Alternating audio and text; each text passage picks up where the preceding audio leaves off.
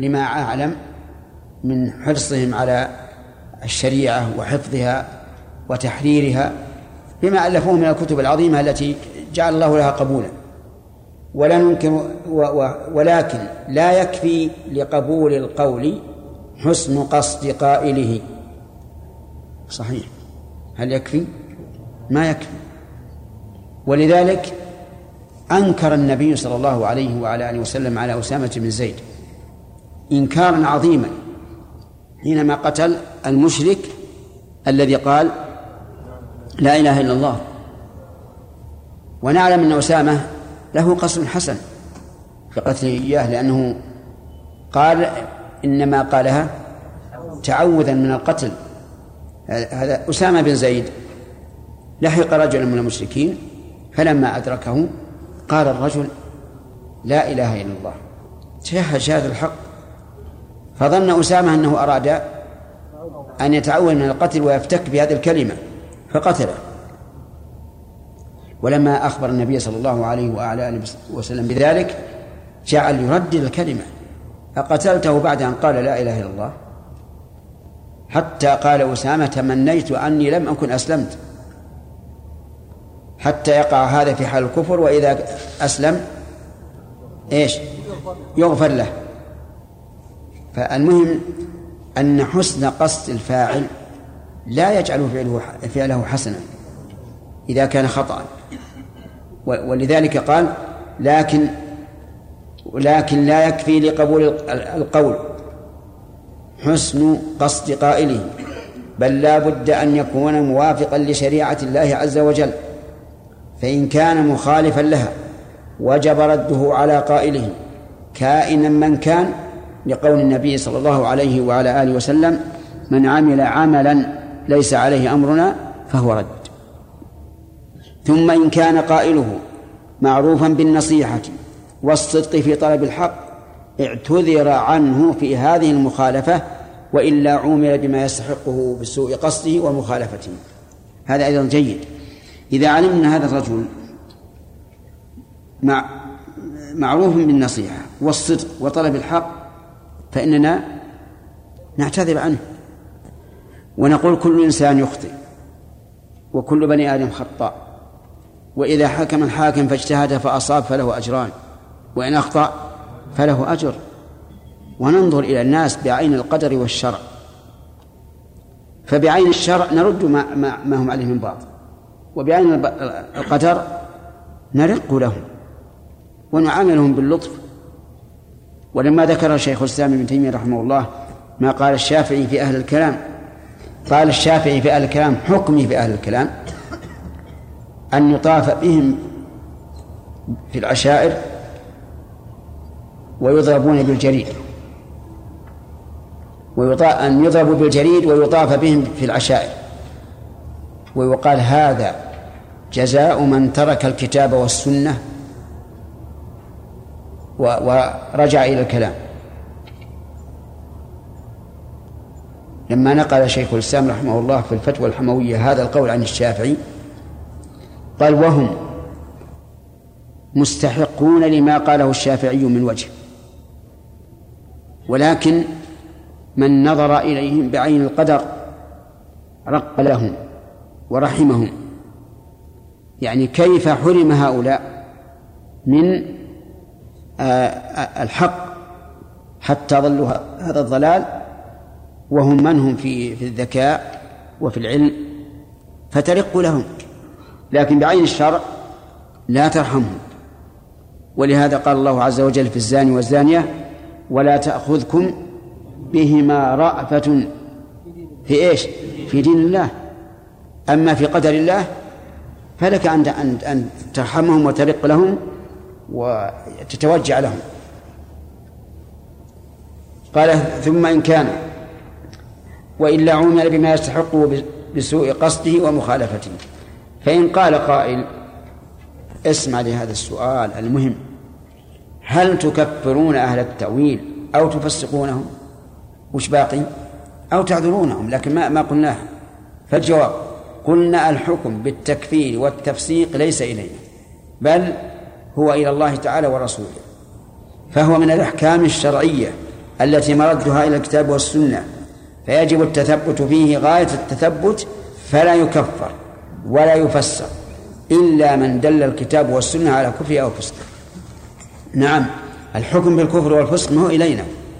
كما أن الحكم بالوجوب والتحريم ليس إلينا إلى من؟ إلى الله ورسوله فإذا قال الله ورسوله عن هذا العمل أو هذا القول أو عن هذا الترك أنه كفر قلنا هو كفر ولا نبالي وإذا لم يقل إذا لم يقل الله ورسوله إنه كفر حرم علينا أن نقول إنه كفر كما لو قال الله ورسوله هذا حرام فعلينا أن نقول حرام ولا نبالي رضي الناس بهذا أم كرهوا وإذا لم يقل حرام إنه حرام ما لا نقول إنه حرام يعني أريد أن أن أن أفهمكم أن التكفير حكم شرعي لا يدرك إلا إلا بالشرع ليس لنا أن نكفر عباد الله إلا إذا كفرهم الله عز وجل إما في كتابها أو على لسان رسوله سواء كان بقول أو فعل أو ترك لأن الكفر قد يكون بقول وقد يكون بفعل وقد يكون بترك وإذا صدق الوصف على على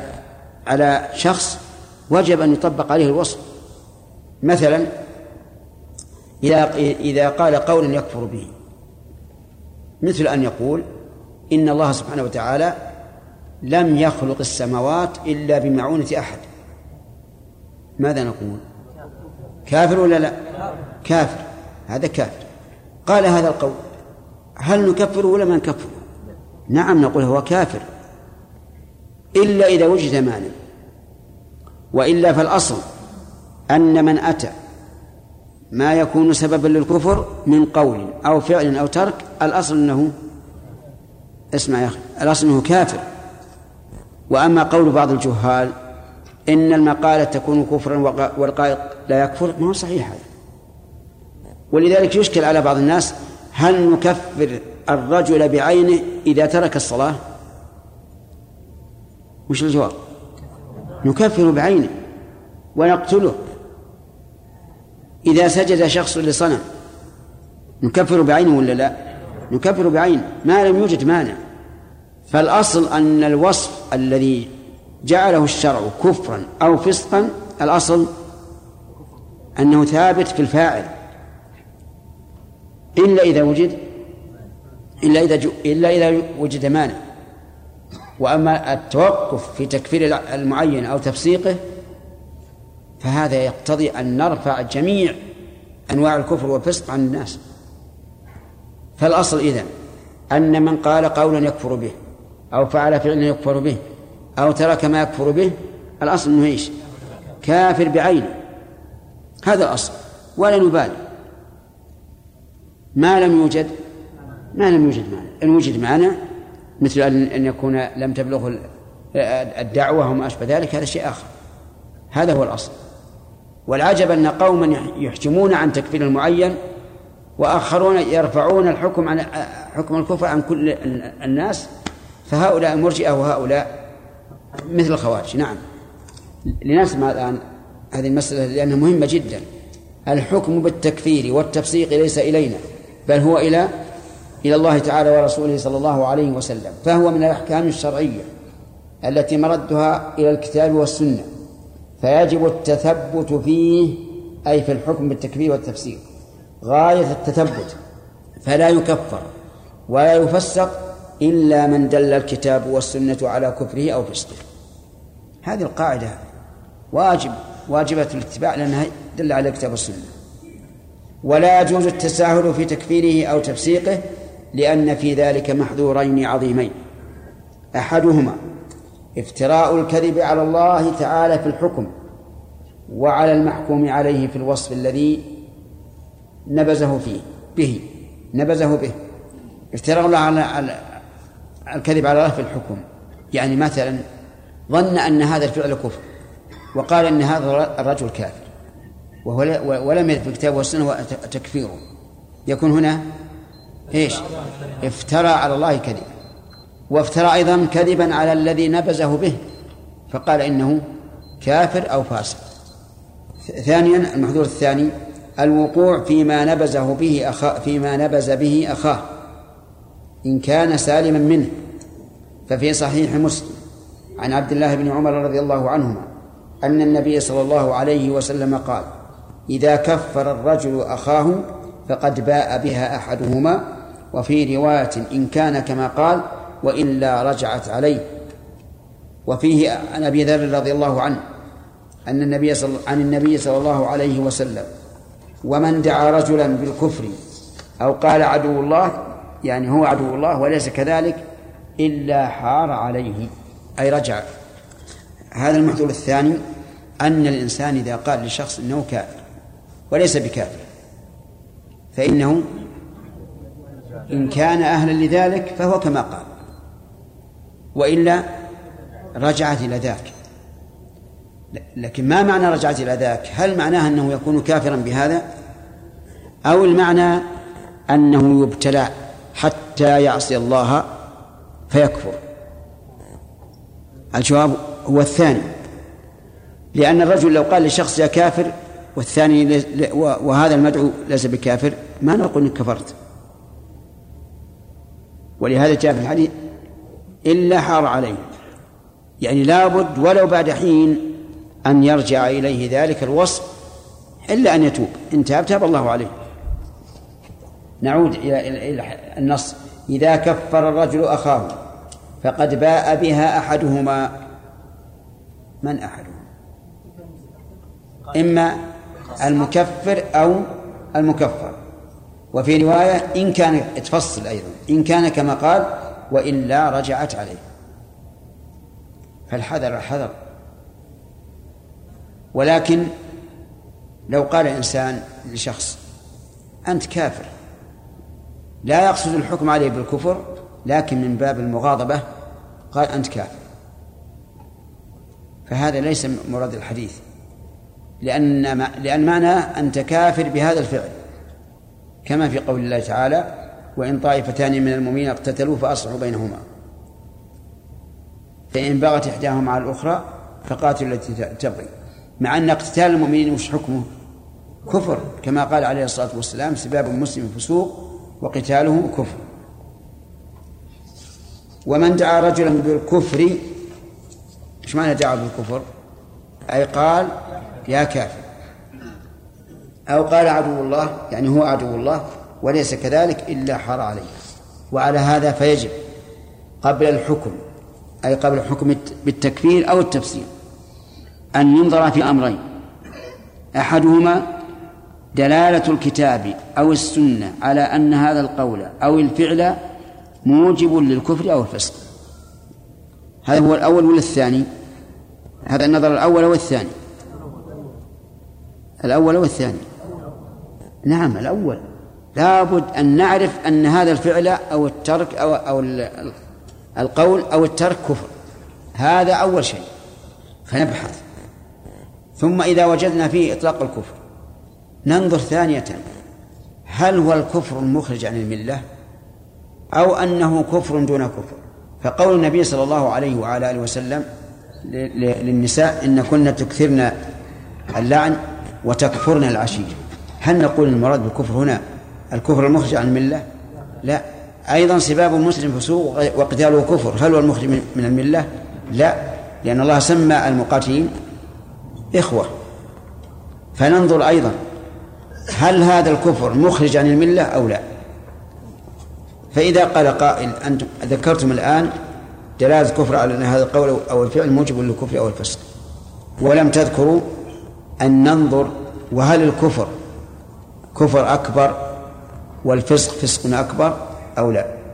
نقول هذا مرادنا وإن كنا لم نصرح به مرادنا الكفر الأكبر والفسق الأكبر الفسق هل فيه أكبر وأصغر نعم فيه أصغر وأكبر فقول الله تبارك وتعالى وأما الذين فسقوا فمأواهم النار المراد الأكبر وقوله إن جاءكم فاسق بنبأ المراد الأصغر الثاني النظر الثاني وهو أهم من الأول أو أو أو متساويان انطباق هذا الحكم على القائل المعين أو الفاعل المعين بحيث تتم شروط التكفير أو التفسيق في حقه وتنتفي الموانع هذا أيضا مهم هل ينطبق هذا الحكم على هذا الفاعل المعين أو لا ينطبق ننظر ويتأمل لأنك إذا حكمت بكفره حكمت باستحلال قتله وأخذ ماله وفقده الحياة وكل ما يترتب على الكفر المسألة ليست هينة ومن أهم الشروط من أهم الشروط إيش التكفير والتفسير أن يكون عالما بمخالفته التي أوجبت أن يكون كافرا أو فاسقا هذا من أهم الشروط أن يكون عالما بمخالفته ولا يشترط أن يكون عالما بالحكم المترتب على ذلك بينهما فرق أن يكون عالما بمخالفته ولا يشترط أن يكون عالما بما يترتب على ذلك أفهمتم؟ يعني لو أن إنسانا كفر والعياذ بالله أو فسق بشرب الخمر وهو لا يدري أنه يعاقب هل يسقط عنه لا والدليل على هذا قصة الرجل الذي جامع في نهار رمضان وهو لا يدري ماذا يترتب عليه حتى جاء إلى النبي صلى الله عليه وعلى آله وسلم وقال يا رسول الله هلكت قال وش الذي أهلك قال وقعت على امرأتي في رمضان وأنا صائم وهو لا يدري ماذا يترتب عليه لكن يدري أنه حرام لقوله هلكت فبين له النبي صلى الله عليه وعلى آله وسلم الكفارة ومثال ومثال آخر لو أن رجلا زنى وهو ثيب يعلم أن الزنا حرام لكن لم يدري أنه يرجم هل يرجم أو لا يرجم يرجم نعم لأنه علم بأنه حرام وانتهك الحرام فيرجم هذا أيضا لا بد أن يكون بالمخالفة عالما بمخالفته التي أوجبت أن يكون كافرا أو فاسقا لقوله تعالى ومن يشاقق الرسول من بعد ما تبين له الهدى ويتبع غير سبيل المؤمنين نوله ما تولى ونصله جهنم وساءت مصيره العليا الشرعيه نعم ما نحمل على كونية وشرعية لا هو أصله إذا, إذا, ثبتت العبودية الشرعية فهي ثابتة كونا لكن لو كان كافرا ما يدخل في هذا طيب شيخ يعني قد ثبت في الحديث أن رجل أن رجلا دخل الجنة بسبب يعني كلب وأن المرأة دخلت النار بسبب كلب إذا كان أبدى بسبب حرة إذا كان يعني أنه ثبت أن رجلا دخل الجنة بسبب كلب وتلك ذكرت النار بسبب حرة فدخول آه، فيعني آه، إطعام الكافر من باب أولى شيخ أنت ترنا كلب كافر لا لا أقصد شيخ هذه لا كلب حيوان شيخ إيه، طيب ليس له قيمة الكافر أخبث الكافر أخبث من الكلب الكافر أخبث من الكلب أمرنا بقتله وقتاله حتى أيضا شيخ ها؟ أمرنا بقتله شيخ لا لا أمر بقتل الكتاب ثم نهى عن قتله ثم إيه، ثم نهى عن قتله الكلب الأسود لأنه مثل الكافر شيطان نعم كيف؟ وجعلنا منهم أئمة يهدون يعني، والموجود مثبت نعم متى إلى متى يعذر الإنسان بحسن قصده وما له من قد حسن حسن الله اليكم أن اخطاوا في العقيده مع انهم قصد حسن نعم الواضح هنا الشيخ احسن الله اليكم اخطاوا في جانب العقيدة عقيده انه كان لا يدرون ان الساعد عندهم يعرفون التوفيق يعني قليل وهم اشتغلوا بالمدح وعرفوا المدح حتى قال قائلهم فمن جودك الدنيا ودراتها ومن علومك علم الله والقلم فلا هذا قائل بسير فاخطا في هذا البيت لكنه روى مئات الابيات زين طيب ترى يعني اقوال كثيره مثل هذه في ناس اخطاوا في مثل اخطاوا في بيتين او بيت او كثير من الابيات قالوا فيه الخير طيب هل نعذرهم في هذا البيت لا لا ما نعذرهم لان هذا صريح ما في اشكال لكن مثل اليد بالنعمه او الوجه بالذات بدون اثبات الوجه او ما اشبه ذلك فيها تاويل ولهذا يمكن تعرض لمسألة التأويل نعم انت الوقت ما الضابط لطالب العلم اذا القى المسائل الشرعيه على العوام ان يذكر فيها خلاف اهل العلم وان يقتصر على قول واحد؟ الذي نرى اذا القاه على على على اهل, أهل العوام ان كان القول الثاني المرجوح عنده ان كان شائعا معروفا فليشر اليه وإن كان غير معروف فلا يشير إليه لأن, ما لأن هؤلاء ما يتحملون الخلاف أما إذا كان مشهورا ومشتهرا بين الناس فلا بد أن يذكره فيقول هذا القول هو الراجح ويرى بعض العلماء أن الأمر ليس كذلك علشان يكون على بصيرة لأن العام ربما يظن أن هذا الذي يتكلم بما يراه الراجح عنده لا يعرف الخلاف نعم يا سليم عن محمد يقول انتهى الوقت شيخ الوقت راح في تصحيح الآية احنا ما اي خير ان شاء الله طيب اهل الكلام يدعون انهم انهم لهم عقول وانهم وانهم ما وانهم اذكياء وهم ياخذون من وياخذون من من اللي مثل من اللي من الرجال يا شيخ ولا السنه يطلبون الدليل يطلبون الحق من الدليل حتى يصل الرسول صلى الله عليه وسلم لو كان يقولها الائمه الائمه والصحابه اطلبوا الدليل الدليل حتى يصل الى الرسول صلى الله عليه وسلم كيف يقول شيء مثل هذا بهذا وهم يدعون العقل ويدعون اللهم اعف انت انت تحوم حول هذا هذا المعنى يا سليم اسمع كلام شيخ الاسلام رحمه الله فيه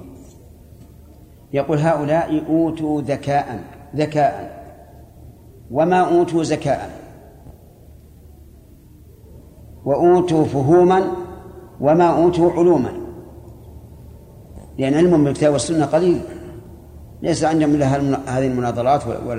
والأحكام العقلية لكن الفهم يا شيخ اللي يدعونه والعقول اللي يدعونها كيف ما ما يدعو ما يدرون ما, ما تهديهم الى ان حتى ان نلحق ما قال هو الله سبحانه وتعالى ورسوله صلى الله عليه وسلم. شكر الله.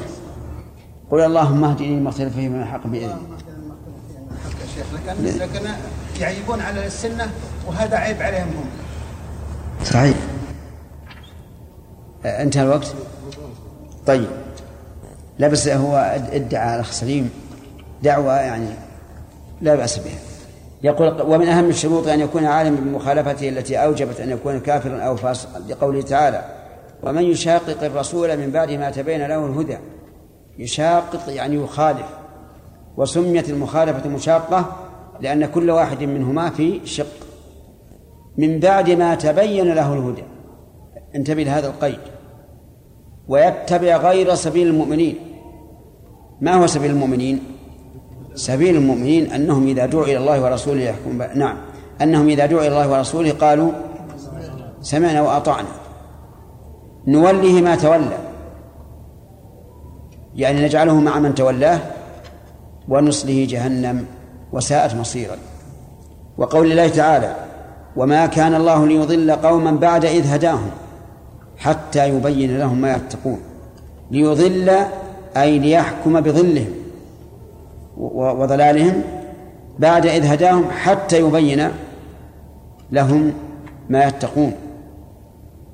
إن الله بكل شيء عليم إن الله له ملك السماوات والأرض يحيي ويميت وما لكم من دون الله من ولي ولا نصير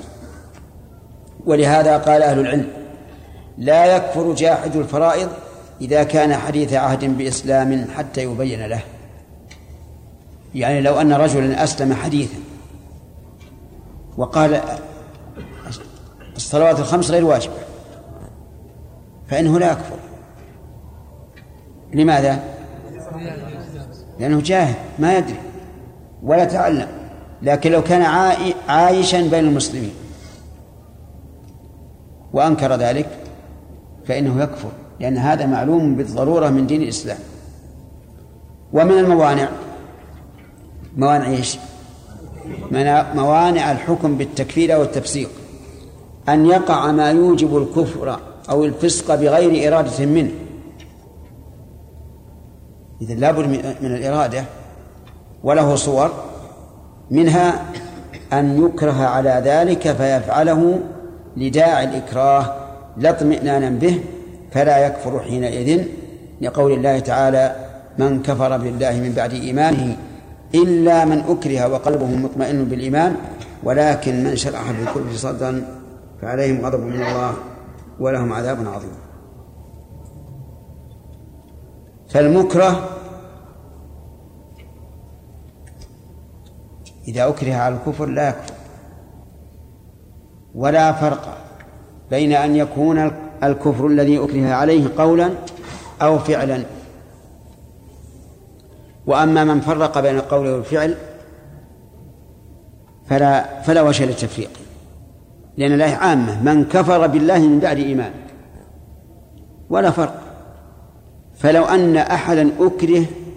أن يسجد لملك من الملوك فسجد دفعا للإكراه لا تعظيما لمن سجد له فإنه لا لا يكفر واضح جماعة طيب فإن فعله لا دفع للإكراه ولكن من أجل الإكراه وسجد ينوي بذلك السجود لهذا الصنم مثلا أو أو لهذا الملك فهل يكفر أو لا يكفر هذه فيها خلاف بين العلماء لا في هذه المسألة ولا غيرها وضابطها أن من فعل الفعل أو قال القول لدفع الإكراه فهذا لا يحكم له بما قال وإن فعله للإكراه فمن العلماء من قال إنه يحكم عليه بما يقتضيه هذا هذا القول أو الفعل ومن العلماء من قال في ذلك تفصيل إن كان عاميا لا يعرف التفريق بين أن يفعله للإكراه أو يفعله لدفع الإكراه فإنه لا فرق وهذا هو الصحيح لأن العام لا لا يميز ونضرب لهذا مثلا بالطلاق لو أن أحدا أكره على أن يطلق زوجته فقال هي طالق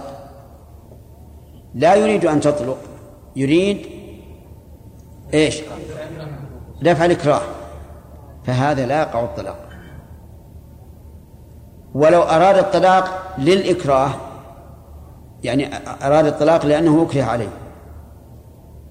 فهل يقع الطلاق أو لا المذهب أنه يقع الطلاق لأنه أراده والصواب أنه لا يقع لأن الله تعالى قال من كفر بالله من بعد إيمانه إلا من أكره يعني على الكفر والصواب أنه لا يكفر لأنه قال هذا بغير اختياره وقد قال النبي صلى الله عليه وسلم فيما يروى عنه إن الله تجاوز عن أمة الخطأ والنسيان إيش وما استكرهوا عليه ولم يفرق بين أن يفعله للإكراه أو لدفع الإكراه وهذا هو الصحيح وفضل الله تعالى واسع والعام لا يفرق ولها نعم قلنا أن يكره على ذلك فيفعله لداعي الإكراه لا اطمئنانا به فلا يكفر حينئذ والدليل واضح من كفر بالله من بعد إيمانه إلا من أكره وقلبه مطمئن بالإيمان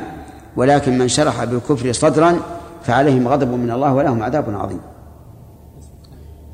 نعم ولهم عذاب نعم ولهذا ما ذكر في كتاب التوحيد من قصة الرجلين الذي قيل لهم تقربوا إلى هذا الصنم ولو بذباب فتقرب أحدهما بالذباب والآخر لم يتقرب وأن الأول دخل النار والثاني نجا منها هذا ضعيف ما هو بصحيح والصواب أنه لا فرق بين الإكراه على القول والإكراه على الفعل طيب قال ومنها أي من الموانع أن يغلق عليه فكره فلا يدري ما يقول لشدة فرح أو حزن أو خوف أو نحو ذلك إذا أغلق عليه فكره فإنه لا يؤاخذ كل شيء يغلق الفكر فإنه لا يؤاخذ به فاعله أو قائله دليله ما ثبت في صحيح مسلم عن انس بن مالك رضي الله عنه قال قال رسول الله صلى الله عليه وسلم لله اشد فرحا بتوبه عبده حين يتوب اليه من احدكم كان على راحلته بارض بارض فلات فانفلتت منه وعليها طعامه وشرابه فأيس منها فأتى شجرة فاضطجع في ظلها قد أيس من راحلته فبينما هو كذلك إذا هو بها قائمة عنده فأخذ بخطامها ثم قال من شدة الفرح اللهم أنت عبدي وأنا ربك أخطأ من شدة الفرح الرجل هذا قال قول مكفرا أو غير مكفر قال قول مكفر يصف الله بأنه عبده وهو ربه لكن هل قاله قصدا أو لا لا أخطأ من شدة الفرح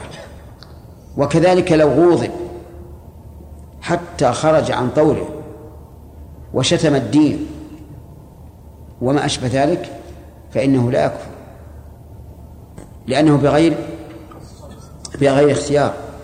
والله تعالى فضله واسع لا يؤاخذ عبده بما لا يقدر عليه قال الله تعالى لا يكلف الله نفسا إلا وسعها والإنسان إذا غضب يغمى عليه تقريبا يغمى عليه حتى أنه ربما يأخذ ماله ويكسره وزوجاته يطلقهن وغنمه يذبحهن فلذلك كان الذي يغلب على أمره لا حكم لقوله ولا, ولا لفعله أيضا قال شيخ الإسلام رحمه الله تعالى في مج... آه، صفحة ثمانين ومائة جيم اثنى عشر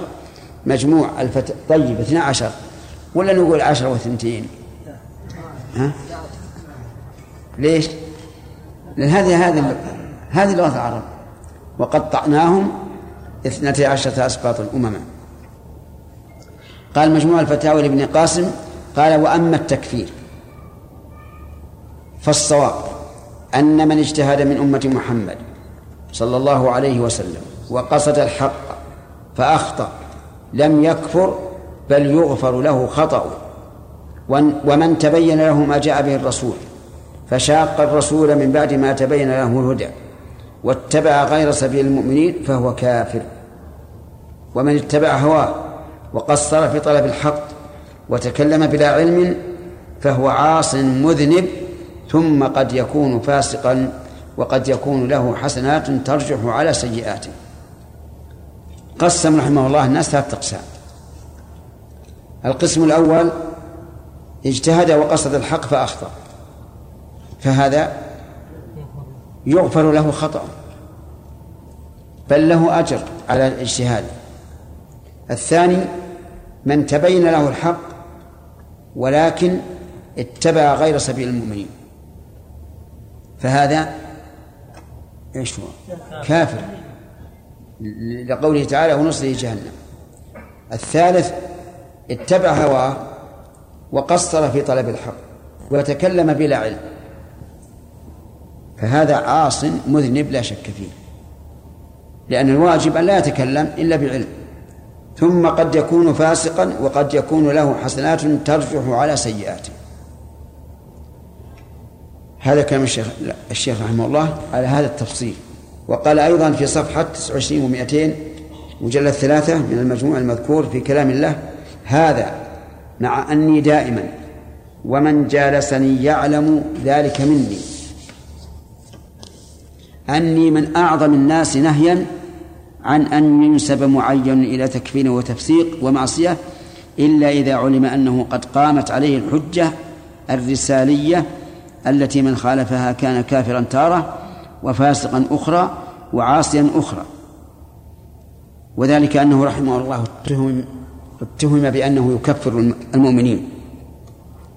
فأراد أن يدافع عن نفسه وقال أنا في المجالس وفي كل مكان أني من أعظم الناس نهيا عن أن ينسب معين إلى تكفير وتفسيق ومعصية التكفير واضح والتفسيق الكبائر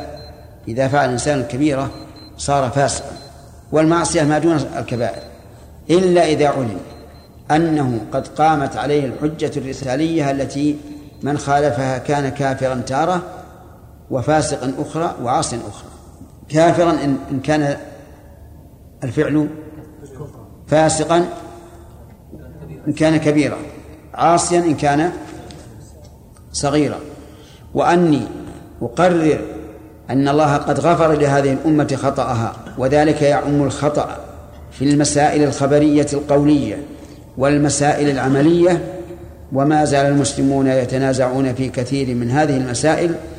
ولم يشهد أحد منهم على أحد لا بكفر ولا بفسق ولا بمعصية وذكر أمثلة وما قاله رحمه الله في هذا حق وأنه لا فرق بين المسائل التي يقولون إنها أصول والتي يقول إنها فروع من اجتهد فأخطأ فلا إثم عليه شرط أن يبذل غاية جهده طيب إلى آخره الأسئلة نعم وما زال السلف نعم لا السلف نعم هل هل من شرط التكفير الاستتابة وإقامة الاستتابة الصواب أنها ليست واجبة وأنها ترجع إلى رأي الإمام إن رأى أن لا يستتاب من أجل ما يكون أشد ردعا لغيره قتله بدون استتابة وكذلك أيضا إذا كانت المس... إذا كان الكفر مما لا تقبل فيه التوبة على رأي من يرى أن من سب الله أو رسوله فإنه لا تقبل توبته هذا أيضا لا يستتاب الآن نحكم على رجل صدر منه شيء بالكفر وإلا مثلا نناقشه أو نبين له ذكرت لك قبل قليل قلت يحكم عليه بالكفر فإذا قال ما أدري أنا ما دريت عن هذا وذكر مانعا رفعنا عنه كفر الأصل أن من فعل مكفرا أو مفسقا حكم عليه به بمقتضاه ما لم يأتي بمانع كما أن الأصل مثلا في الميراث إذا كان أبا أو ابنا الأصل أنه يرث ما لم يجد مانعا كذلك أيضا في مسألة الطلاق الأصل أن الرجل إذا طلق وقع طلاق ما لم يذكر مانعا ولهذا نر... لا نرى من الحسن ما يفعله بعض الم... بعض الناس الذين يكتبون المحاضر يقول مثلا آه، طلقتها قال نعم قال هل في حيض؟ قال لا قال في طول جمعت فيه؟ قال لا ما حاجة لهذا لأنه بالاتفاق لا يشترط ذكر الم... آه، انتفاء المانع وإلا لكان كل إنسان يورد علينا مسألة فرضية أو غير فرضية نذكر الموانع جاء إنسان مثل باع على شخص بيع هل نقول هل بعته بعد أذان الجمعة الثاني ما ما يجب فالأصل أن الأشياء ماشية على على شروطها وانتفاء موانعها إذا وجد المانع إذا ذكر المانع ينظر فيه فهؤلاء الذين أحيانا يكتبون محاضر كيفية الطلاق أراهم الآن يذكرون هل طلقتها في طهن جمعتها به هل هي حائض هذا لا حاجة للسؤال عنه أولا لأن جمهور أهل العلم ومنهم المذاهب الأربعة يرون أن الطلاق في الحيض واقع وأن الطلاق في طهن جامعة فيه واقع أفهمتم؟ إذا كان أكثر الأمة على هذا وأنه لو وجد هذا المانع فليس بمانع كيف ننبش؟ ثم إنها إذا نبشنا عن هذا وصار طلق الرجل امرأته أول طلقة في عام عشرة طلقها وهي حائض وفي عام 11 طلقها في طهر جمعها فيه وفي عام 12 طلقها في غضب شديد قضينا ما صار طلاق نفتح للناس أبواب مع أن نعلم علم اليقين إن لو أنها تزوجت بعد الطلاق الأول حين انقضت عدتها نعم هن لم يقل شيء لم يقول هذه زوجتي ففتح أبواب الحيل على للناس غلط ذكرت هذا لأنه آه، أنا يقع يعني عندي هذا كثيرا لكن ربما يقع عندكم أيضا لا تسألوا هل أنت آه، طلقتها في حيض أو في طول جمعت فيه أو لا كذلك التبس على بعض الناس حتى على العلماء الطلاق في النفاس هل هو حرام ولا حلال بعض الناس يقول حرام حتى طلبة العلم وهذا خطأ ليس حراما وقول النبي صلى الله عليه وسلم في قضية ابن عمر ثم لقى طاهرا أو حاملا طاهرا منين من الحيض ووجه كون الطلاق في الحيض حراما أنه لم يطلق للعدة لأن هذه الحيضة التي طلق فيها لا تحسب من العدة فيكون طلق لغير عدة لكن في النفاس إذا طلق في النفاس فقد طلق لعدة لأن هذا النفاس لا يحتسب فيه في, في, في العدة فهو كما طلقها طاهرة فليفهم الفرق وهذا من الفروق بين الحيض والنفاس على على ما ذكرنا أنه يجوز الطلاق في حال النفاس ولا يجوز في حال الحيض لأن أصل مدار التحريم على على قوله تعالى يا أيها النبي إذا طلقتم النساء فطلقوهن لعدتهن انتهى الوقت يا سم محمد قال شيخنا حفظه الله تعالى فيما نقل عن شيخ الإسلام وما زال السلف يتنازعون في كثير من هذه المسائل ولم يشهد أحد منهم على أحد لا بكفر ولا بفسق ولا بمعصية وذكر أمثلة ثم قال وكنت أبين أن ما نقل عن السلف والأئمة من إطلاق القول بتفسير من يقول كذا وكذا فهو أيضا حق لكن يجب التفريق بين الإطلاق والتعيين إلى أن قال والتكفير هو من الوعيد فإنه وإن كان القول تكذيبا لما قاله الله ورسوله صلى الله عليه وسلم لكن قد يكون الرجل حديث عهد بإسلام أو نشأ ببادية بعيدة ومثل هذا ومثل هذا لا يكفر بجحده ما يجحده حتى تقوم عليه الحجة وقد يكون الرجل لم يسمع تلك النصوص أو سمعها ولم تثبت عنده أو عارضها عنده معارض آخر أوجب تقبيلها وإن كان مخطئا وكنت دائما نعم، بسم الله الرحمن الرحيم كلام جيد متين مهم يقول كنت أبين أن ما نقل عن السلف والأئمة من إطلاق القول بتكفير من يقول من يقول كذا وكذا فهو إيش فهو أيضا حق يعني ما نقل من الإطلاق فهو حق فهو أيضا حق لكن يجب التفريق بين الإطلاق والتعيين إلى أن قال إلى آخره مثلا جاء في الحديث عن النبي صلى الله عليه وعلى آله وسلم أنه قال من غش فليس منا لو أن أحدا غش هل نقول لهذا الرجل بعينه إنه إن الرجل تبرأ منه قد يكون غش لعذر أو جهل أو ما أشبه ذلك كذلك ما من عبد سرعه الله على رعيه يموت يوم يموت وهو غاش لرعيته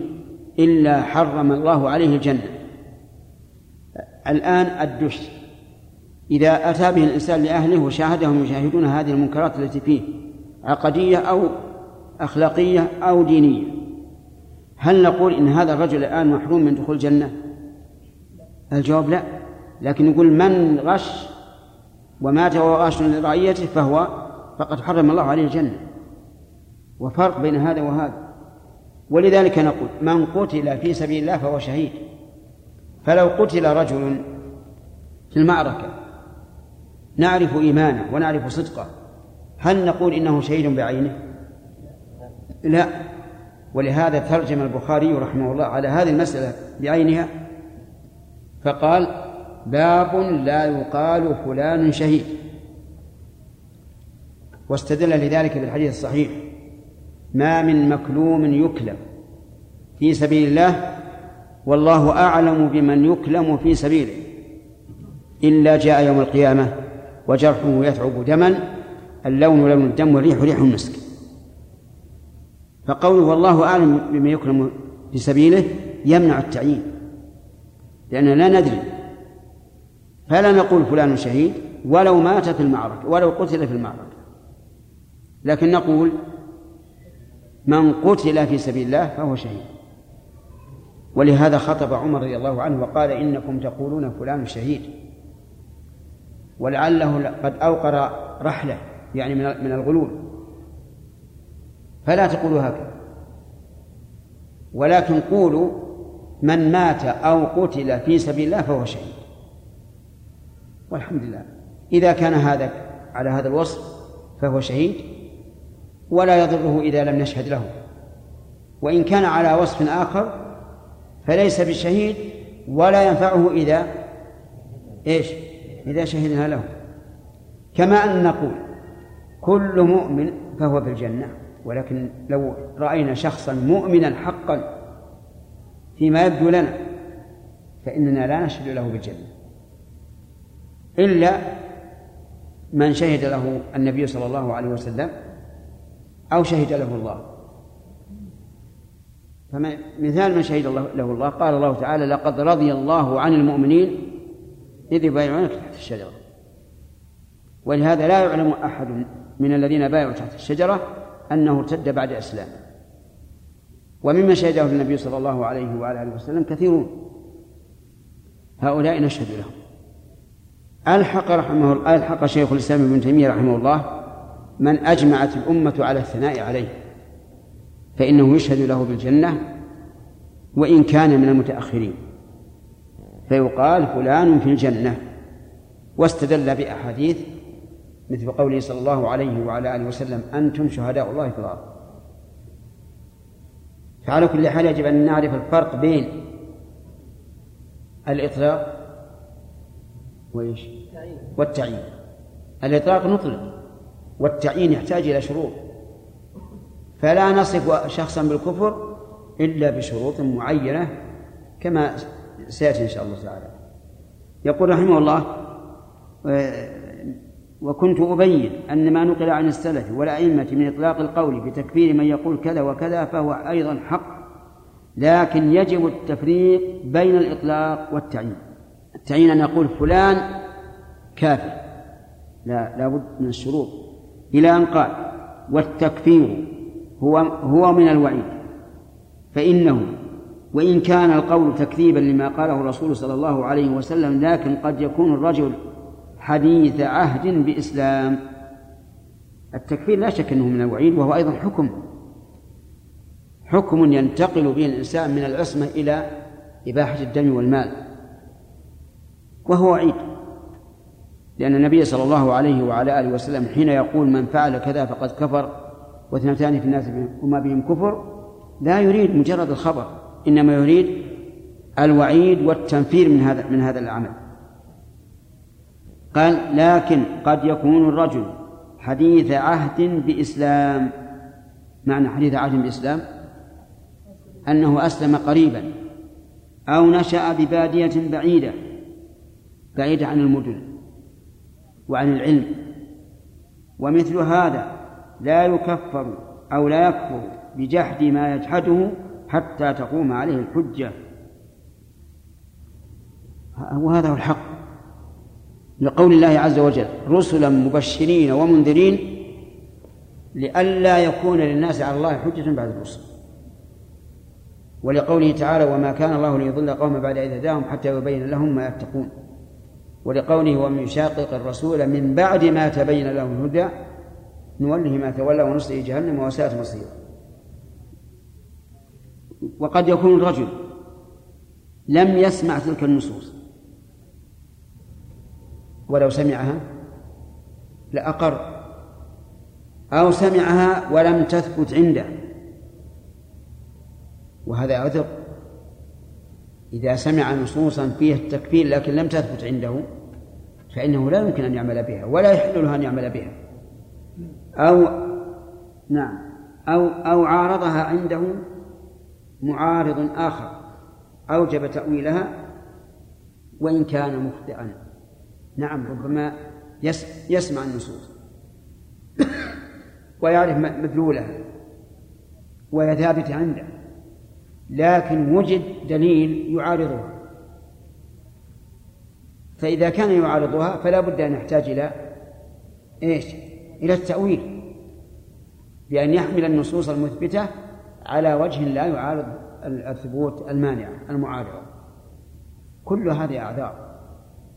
لكن متى تكون عذرا تكون إذا بذل الإنسان جهده في تحري الحق ولكن لم يتبين له فهو معذور طيب قال رحمه الله وكنت دائما أذكر الحديث الذي في الصحيحين في الرجل الذي قال إذا أنا مت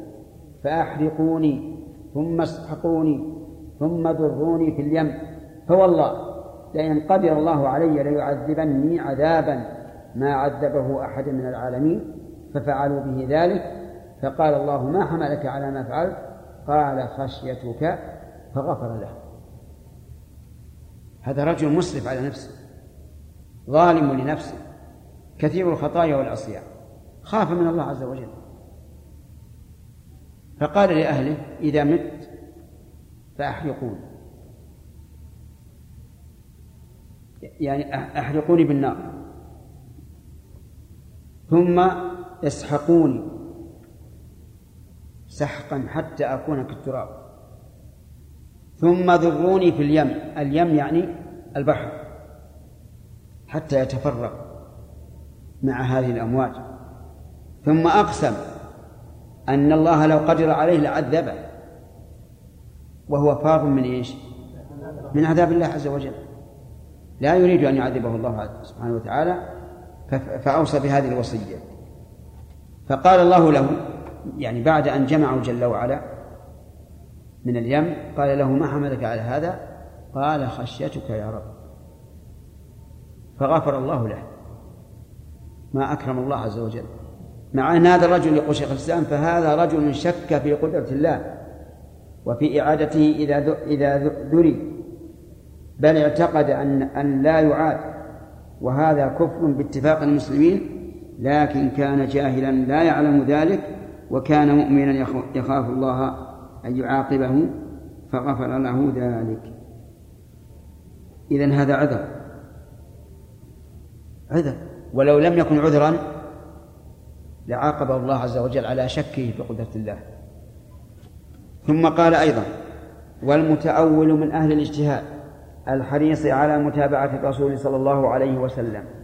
أولى بالمغفرة من مثل هذا المتأول من أهل الاجتهاد هالشرط إذا اجتهد وتبين وتبين له الحق على وجه التأويل مع حرصه على متابعة النبي صلى الله عليه وسلم فهو أولى بالعذر وهذا من سعة رحمة الله عز وجل وهو داخل في عموم قوله تعالى لا يكلف الله نفسا إلا وسعها قال وبهذا علم الفرق بين القول والقائل وبين الفعل والفاعل فليس كل قول أو فعل يكون فسقا وكفرا يحكم على قائله أو فاعله بذلك قال شيخ الإسلام ابن تيمية ابن تيمية رحمه الله صفحة 65 و100 جيم 35 من مجموع الفتاوي وأصل ذلك هذه قاعدة وأصل ذلك أن المقالة التي هي كفر بالكتاب والسنة والإجماع يقال هي كفر قولا نعم قولا يطلق كما دل على ذلك الدلائل الشرعية فإن الإيمان من الأحكام المتلقاة عن, عن الله ورسوله ليس ذلك مما يحكم فيه الناس بظنونهم وأهوائهم ولا يجب لما قال يطلق قال ولا يجب أن يحكم في كل شخص قال ذلك بأنه كافر حتى يثبت في حقه شروط التكفير وتنتفي موانعه ثم ضرب مثلا بقوله مثل من قال إن الخمر أو الربا حلال لقرب عهده بالإسلام أو لنشوئه في بادية بعيدة أو سمع كلاما أنكره ولم يعتقد أنه من القرآن ولا أنه من أحاديث رسول الله صلى الله عليه وسلم كما كان بعض السلف ينكر أشياء إلى آخره المهم أن شيخ الإسلام رحمه الله من أوسع ما يكون من أوسع الناس في مسألة التكفير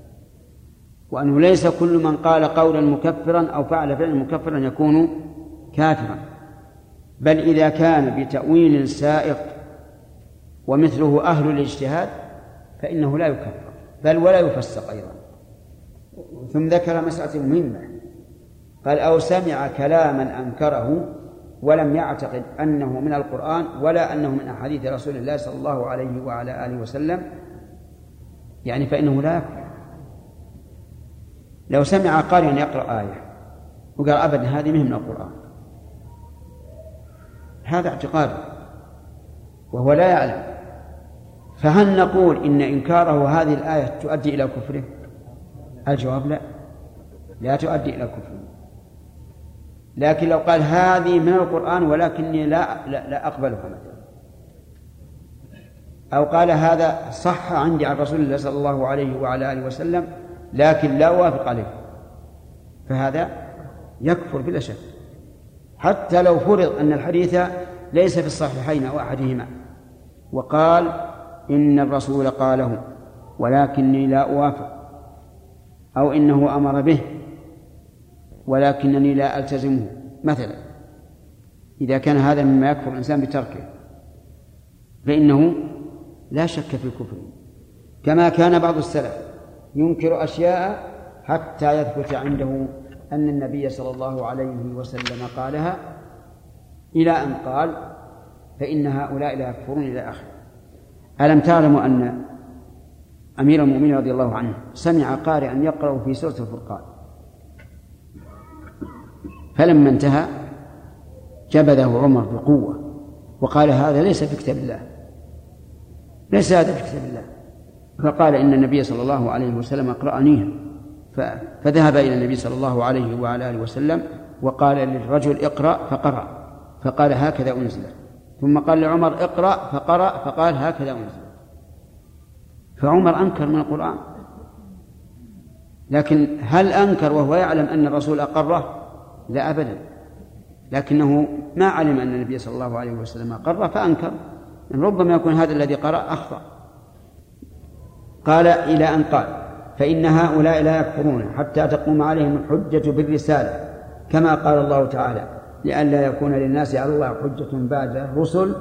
وقد وقد عفى الله لهذه الأمة عن الخطأ والنسيان انتهى كلامه رحمه الله وبهذا علم أن المقالة أو الفعلة قد تكون كفرا أو فسقا ولا يلزم من ذلك أن يكون القائم أن يكون القائم بها كافرا أو فاسقا إما لانتفاء شرط التكفير والتفسير أو لوجود مانع شرعي أو لوجود مانع شرعي يمنع منه لكن من انتسب إلى غير الإسلام أعطي أحكام الكفار في الدنيا ها؟ نعم لا لكن من انتسب إلى غير الإسلام أعطي أحكام الكفار في الدنيا يعني وإن كان جاهلا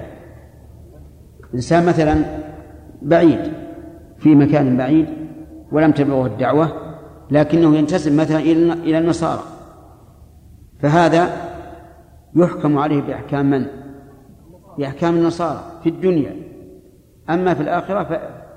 فأمره إلى الله عز وجل كأهل الفترة تماما أهل الفترة الذين بلغنا عن رسول الله صلى الله عليه وعلى آله وسلم أنهم كفار يجب أن نحكم عليهم بالكفر وأنهم في النار كما حكم عليهم النبي صلى الله عليه وعلى آله وسلم ولا يجوز أن نعترض ونقول ليش يكون هؤلاء من أهل النار وهم في زمن الفترة نقول لأن الله ورسوله أعلم ولهذا أمثلة وأما ما جاء في حديث متى مررت على قبر آه، عامري أو قرشي فبشره بالنار فالحديث ضعيف والحمد لله أنه كان ضعيفا وإلا لوقع فيه إشكال كثير ولذلك نقول إن أهل الفترة إذا نص النبي صلى الله عليه وعلى آله وسلم على واحد منهم أنه كافر فهو كافر ولا مماراة في هذا أو أنه من أصحاب النار فهو من أصحاب النار وأما من لم ينص عليهم فالقاعدة أن أمرهم إلى الله عز وجل والصحيح أنهم يمتحنون يوم القيامة بما أراد الله عز وجل من أطاع دخل الجنة ومن عصى دخل النار قال ومن تبين له الحق فأصر على مخالفته تبعا لاعتقاد كان يعتقده أو متبوع كان يعظمه أو دنيا كان يؤثرها فإنه يستحق ما تقتضيه تلك المخالفة من كفر أو فسوق هذا جيد يعني إذا تبين الحق للإنسان ولكنه أصر على مخالفته لهذه الأسباب تبعا لاعتقاد كان يعتقده وقال لا أرجع أو لمتبوع كان يعظمه الثالث أو دنيا كان يؤثرها فالواجب أن يحكم عليه بما تقتضيه تلك المخالفة من كفر أو فسوق فعلى المرء فعلى المؤمن أن يبني معتقده وعمله على كتاب الله تعالى وسنة رسوله صلى الله عليه وسلم فيجعلهما إماما له يستضيء بنورهما ويسير على منهاجهما فإن ذلك هو الصراط المستقيم الذي أمر الله تعالى به في قوله وأن هذا صراط مستقيما فاتبعوه ولا تتبعوا السبل فتفرق بكم عن سبيله ذلكم وصاكم به لعلكم تتقون وليحذر ما يسلكه بعض الناس من من كونه يبني معتقده او عمله على مذهب معين فاذا راى نصوص الكتاب والسنه على خلافه حاول صرف هذه النصوص الى ما يوافق ذلك المذهب على وجوه متعسفه فيجعل الكتاب والسنة تابعين لا متبوعين وما سواهما إماما لا تابعا وهذه طريق من طرق أصحاب الهوى لا أتباع الهدى وقد ذم الله تعالى هذه الطريقة في قوله ولو اتبع الحق أهواءهم لفسدت السماوات والأرض ومن فيهن بل أتيناهم بذكرهم فهم عن ذكرهم معرضون والناظر في مسالك الناس في هذا الباب يرى العجب العجاب ويعرف شدة افتقاره إلى إلى اللجوء إلى ربه في سؤال الهداية والثبات على الحق والاستعادة من الضلال والانحراف ومن سأل الله بصدق وافتقار إليه عالما بغنى ربه عنه وافتقاره هو إلى ربه فهو حري أن يستجيب الله له سؤاله أن يعني عند سؤله يقول الله تعالى وإذا سألك عبادي عني فإني قريب أجيب دعوة الداعي إذا دعان فليستجيبوا لي وليؤمنوا بي لعلهم يرشدون فنسأل الله تعالى أن يجعلنا ممن رأى الحق حقا واتبعه ورأى الباطل باطلا واجتنبه وأن يجعلنا هداة مهتدين وصلحاء مصلحين ولا وأن لا يزيغ قلوبنا بعد إذ هدانا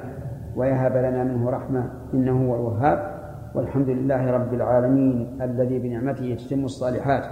والصلاة والسلام على نبي الرحمة وهذه الأمة إلى صراط العزيز الحميد بإذن ربهم وعلى آله وأصحابه ومن تبعهم بإحسان إلى يوم الدين تم في اليوم الخامس عشر من شهر شوال عام أربعة نعم سنة أربع وأربعمائة وألف بقلم مؤلفي الفقير الله محمد الصالح العظيم والحمد لله رب العالمين وانتهى الكتاب ونسأل الله تعالى أن نكون انتفعنا به وأن ينفعنا به وب... وبأمثاله من كتب الحق نعم إيش تفسير إيه. لو إيش أيهن لأني قرأني الآن ها من الفتاوى إيه. شخص ميت وقال المرحوم نعم يقول المرحوم والمغفور له وما أشبه ذلك اي لا بأس به لأن هذا ليس خبرا لا هذا دعاء لأن مثل قول رحمه الله أليس يقال فلان رحمه الله يعني خبر هذا ولا دعاء؟ دعاء حتى العامة الذين يقولون المغفور له والمرحوم ما يريدون الخبر أنهم يشهدون بأن الله رحمه أو غفر له لا يريدون الدعاء نعم قول ابن حسن رجوع الشاذبانة يقول الإمام الفاضل والرئيس الكامل إيه؟ الإمام أحمد حنبل نعم هذا محذور شرعي إيش؟ نعم لا ما فيها محذور شرعي يعني كامل بالنسبة لمن بعده أو لأهل التعطيل وما أشبه ذلك ولا معلوم أنه ما يريد أنه كامل ككمال الله عز وجل نعم قادم إيش؟ يسمى الإنسان بانه قادم القدرة قاضي القضاء قادم القضاء أي نعم هذا لقب جائز وغير جائز إذا أضافه إلى إلى إلى إلى بلد مثل يقول قاضي القضاة في مصر قاضي القضاة في العراق لا بأس به أما إذا أطلق فهو يشبه ملك الملوك وقد نهي عن هذا أخ على اسم عند الله رجل تسمى ملك الأملاك نعم يا سليم مر علينا في الغش الدش وغش الطعام يا شيخ ما ما يتناسب يا شيخ غش الطعام شبه غش الطعام نفسه بخش ادش شيخ متكرر شيء متكرر وشيء وشيء يعني لمفاسد كثيره يا شيخ ما فهمت يعني تقول هذا اعظم غش الدش نعم إيه ما في شك نعم نعم نعم الطعام بنفسه نعم. لا شك ما تعدى لا اشد ما في شك ما في شك لكن كلها غش كلها غش الظاهر يعتبر مرتدا لأنه لأنه يعتقد أن ما كان عليه ليس كفرا يعتقده إسلاما ويعتقد أن هؤلاء الأولياء لهم شيء من التصرف وهو يقول أشهد أن لا إله إلا الله وأن محمدا رسول الله ويقيم الصلاة ويؤتي الزكاة ويحج ويصوم نعم بارك الله فيكم إذا كان رجلا رجل بعيد إذا كان رجلا اي نعم ممن ينتسب إلى الإسلام بعيد اي نعم يعني لا يمكن أن مناقشة فوق إمام الحجة أو أسأله وما أشبه ذلك ولكن هو ينتسب الإسلام لكن يعني يذكر عنه ويقول أشياء طوام مكفرة نعم. فمثل هذا يعني توقف في تكفيره حتى تقام الحجة أم ما هو الموقف؟ والله هذا من مثل مثل مثل فرعون مستكبر حسب كلامك الآن أنه ما ما يبالي بأحد ولا ينظر في الأدلة ولا شيء لكن نعم لو فرض أنه يعتقد أن أن متبوعين أنهم أعلم من هؤلاء ويعتقد أنه أن هؤلاء ليس عندهم علم فهذا قد يعذر شيخ مثلا لو واحد حكم القانون يعني حاكم معين في بالإسلام وربما يصلي لكن أتى بمكفر مثل هذا هل يحكم بكفرة الحكم بالقانون بارك الله فيك في الواقع آه، فيه شبهة لأن بعض العلماء المعاصرين خاصة يقولون إنما يتعلق بأمور الدنيا هذا راجع للمصالح المرسلة والناس فيه كل يظن لمصلحته ويستدلون بدليل بحديث لا لا, لا دلالة فيه على ما يقولون وهو قول النبي صلى الله عليه وعلى آله وسلم أنتم أعلم بدنياكم ولكن هذا الحديث ليس المراد أنتم أعلم بأمور دنياكم بالنسبة للتحليل والتحريم والإيجاب المراد بالنسبة للصنعة أنتم أعلم بأمور دنياكم والدليل على هذا سبب الحديث لأن سبب الحديث هو أن النبي صلى الله عليه وعلى آله وسلم لما قدم المدينة وجد الناس يلقحون النخل يصعد إلى الفحل ويأتي باللقاح منه ثم يصعد إلى النخلة ويلقحها وهذا فيه تعب وفيه ضياع وقت فقال لو تركتم هذا أو كلمة نحوها فتركوا هذا ولم يلقحوا تلك السنة فأتت الثمرة شيصا فسدت فأتوا إلى النبي صلى الله عليه وعلى آله وسلم قالوا يا رسول الله هذا هكذا النخل فقال أنتم أعلم بأمور دنياكم فبعض الحكام يكون عنده والعياذ بالله جلساء سوء ويزينون له ما, ما يحكم به مما يخالف الشرع فهذا لا بد من إقامة الحجة عليه إذا أقيمت وقال نعم هذه هي الشريعة لكنه يخالف الشريعة نظرا إلى أن الشريعة ليس صالحة لكل زمان ومكان حينئذ نكون مرتدا نعم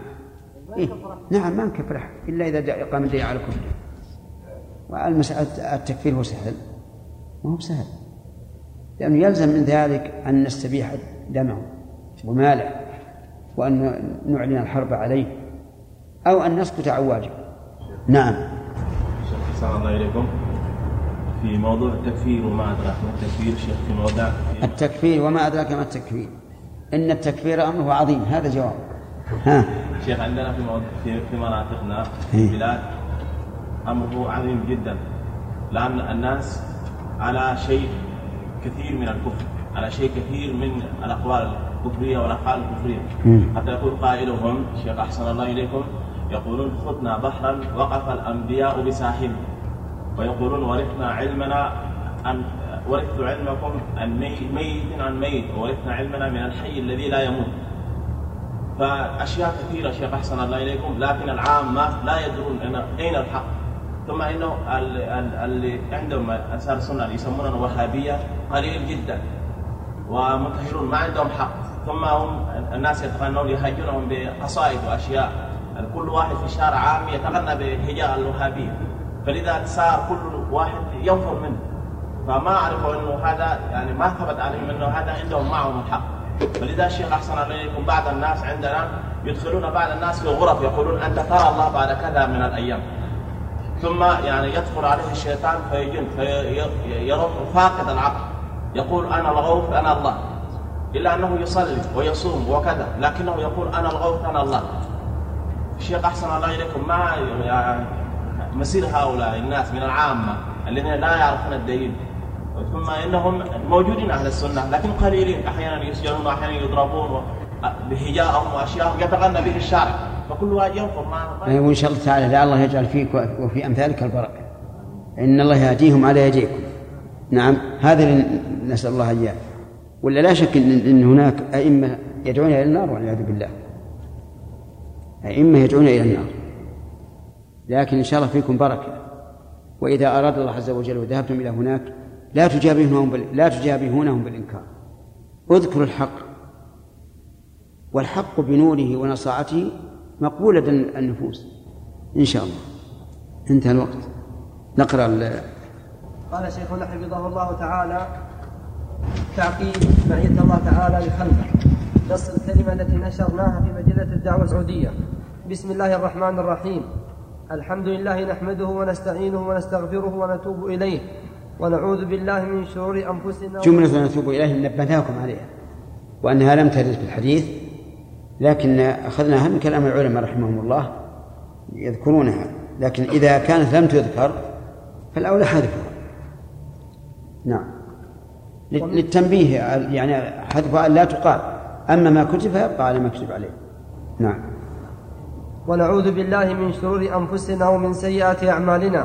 من يهده الله فلا مضل له ومن يضلل فلا هادي له وأشهد أن لا إله إلا الله وحده لا شريك له واشهد ان محمدا عبده ورسوله صلى الله عليه وعلى اله واصحابه ومن تبعهم باحسان وسلم تسليما اما بعد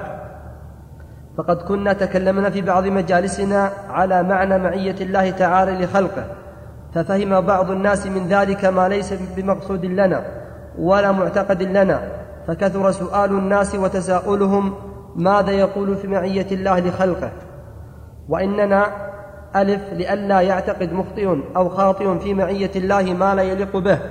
باء ولئلا يتقرب المخطئ ما, ما من ارتكب الخطأ بغير بغير علم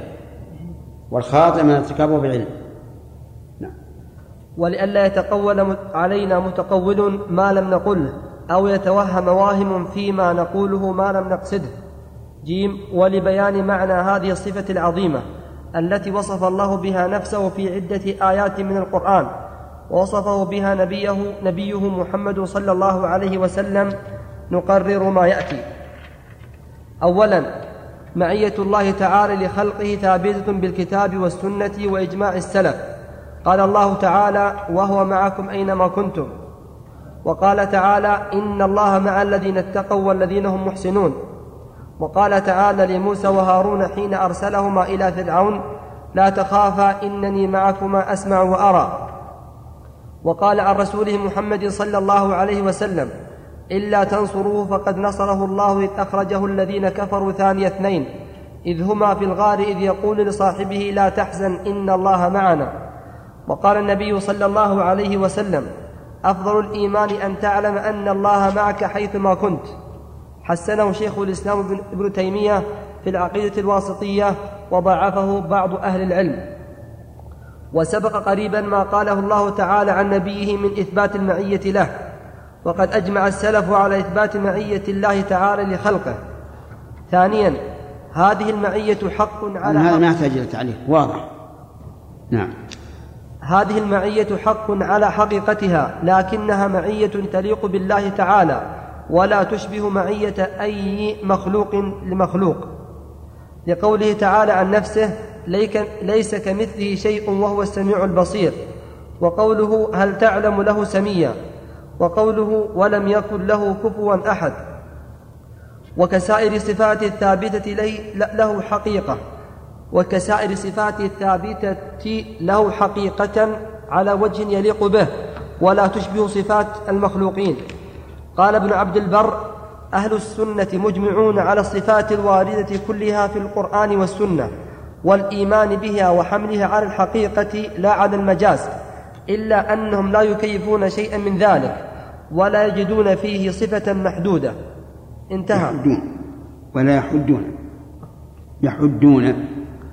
ولا يحدون فيه صفة محدودة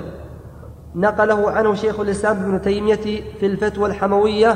صفحة 87 من المجلد الخامس من مجموع الفتاوى لابن قاسم وقال ابن تيمية من مؤنثة نعم ابن قاسم نقله عنه شيخ الإسلام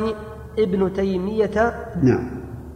في الفتوى الحموية صفحة 87 من المجلد الخامس من مجموع الفتاوى لابن قاسم وقال شيخ الإسلام في هذه الفتوى صفحة 200 من المجلد المذكور ولا يحسب الحاسب أن شيئا من ذلك يعني ما جاء في الكتاب والسنة يناقض بعض بعض يعني بعض مما جاء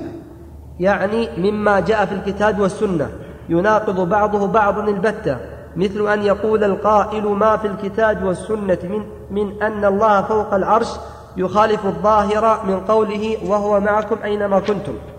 وقوله صلى الله عليه وسلم إذا قام أحدكم إذا الصلاة وقوله نعم بكسر وقوله صلى الله عليه وسلم إذا قام أحدكم إلى الصلاة فإن الله قبل وجهه ونحو ذلك فإن هذا غلط وذلك أن الله معنا حقيقة وهو فوق, عر فوق العرش حقيقة كما جمع الله بينهما في قوله هو الذي خلق السماوات والأرض في ستة أيام ثم استوى على العرش يعلم ما يلج في الأرض وما يخرج منها وما ينزل من السماء وما يعرج فيها وهو معكم أينما كنتم والله بما تعملون بصير